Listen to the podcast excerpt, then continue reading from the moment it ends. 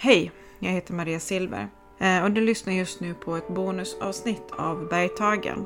Det förra avsnittet, alltså avsnitt 9, kanske skapade lite mer frågor än svar egentligen.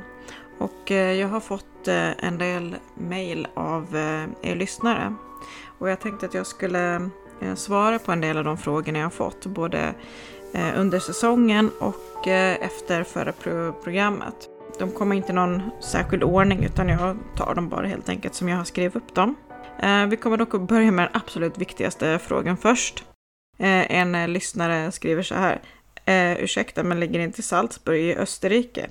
Jo, det, det gör det ju såklart. Jag, jag, tror att jag sa Tyskland, va? att Bogdan hade åkt till Tyskland. Eh, och eh, det stämmer ju inte riktigt. Jag måste blanda ihop det med, för Riesendigrottan ligger ju precis på gränsen till Österrike, men fortfarande i, i Tyskland. Och det var ju där eh, Slavko var. Eh, så. Men eh, han hamnade alltså på sjukhuset i Salzburg i Österrike, inte Salzburg i Tyskland. Eh, så, det var den första frågan eh, slash eh, rättningen. Eh, sen så är det en annan eh, lyssnare som har fråga om eh, den här grottan som eh, Slavko verkar gå in i eh, på filmen som Bogdan får. Eh, och det kanske också var lite otydligt. Bogdan sa ju att, att han eh, var säker på att det var den här Marble Arch-grottan som eh, Slavko gick ner i på filmen. Um, och det är jättesvårt att veta varför Slavko går, går dit. Men um, han var ju med om en olycka där när han var tonåring. Jag tror inte han kan inte ha varit mer än 14-15 kanske. Så jag vet inte riktigt om... Ja, jag, jag, vet inte riktigt. Men det är i alla fall den grottan han går ner i på filmen.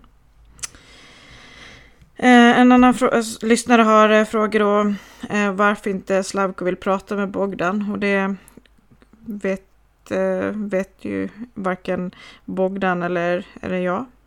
Tyvärr. Vem är det som filmar Slavko och skickar filmen till Bogdan? Det vet ju tyvärr inte heller. Och vet vi att han inte kommer tillbaka?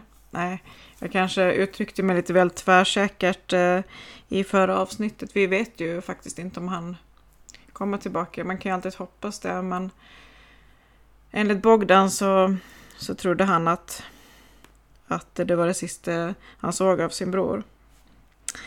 Eh, sen är det ganska många frågor kring de här keltiska tecknena.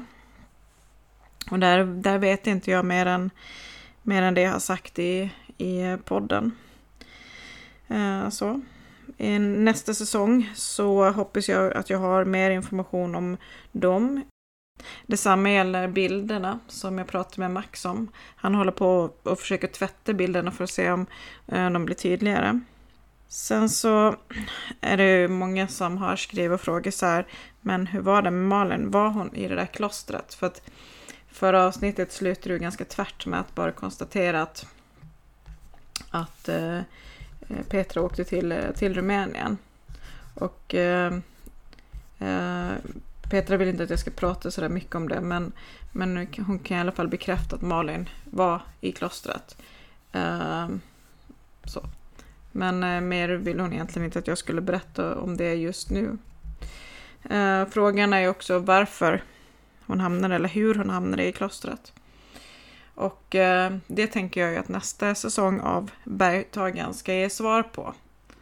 Så ni får helt enkelt hålla ut till nästa säsong med att få svar på den frågan. Dock har jag fått eh, eh en eh, dagbok eller logg eh, som Petra fick med sig från eh, klostret i Rumänien. Och jag tittar lite grann i den. Eh, det finns en del intressanta saker där som jag planerar att eh, läsa in och eh, spela upp också i podden. Så det får ni också hålla utkik efter. Men det här var de frågor ni hade tänkt besvara eh, så här långt. Så hoppas jag att vi hörs eh, i, under säsong två av Bergtagen. Ha det fint!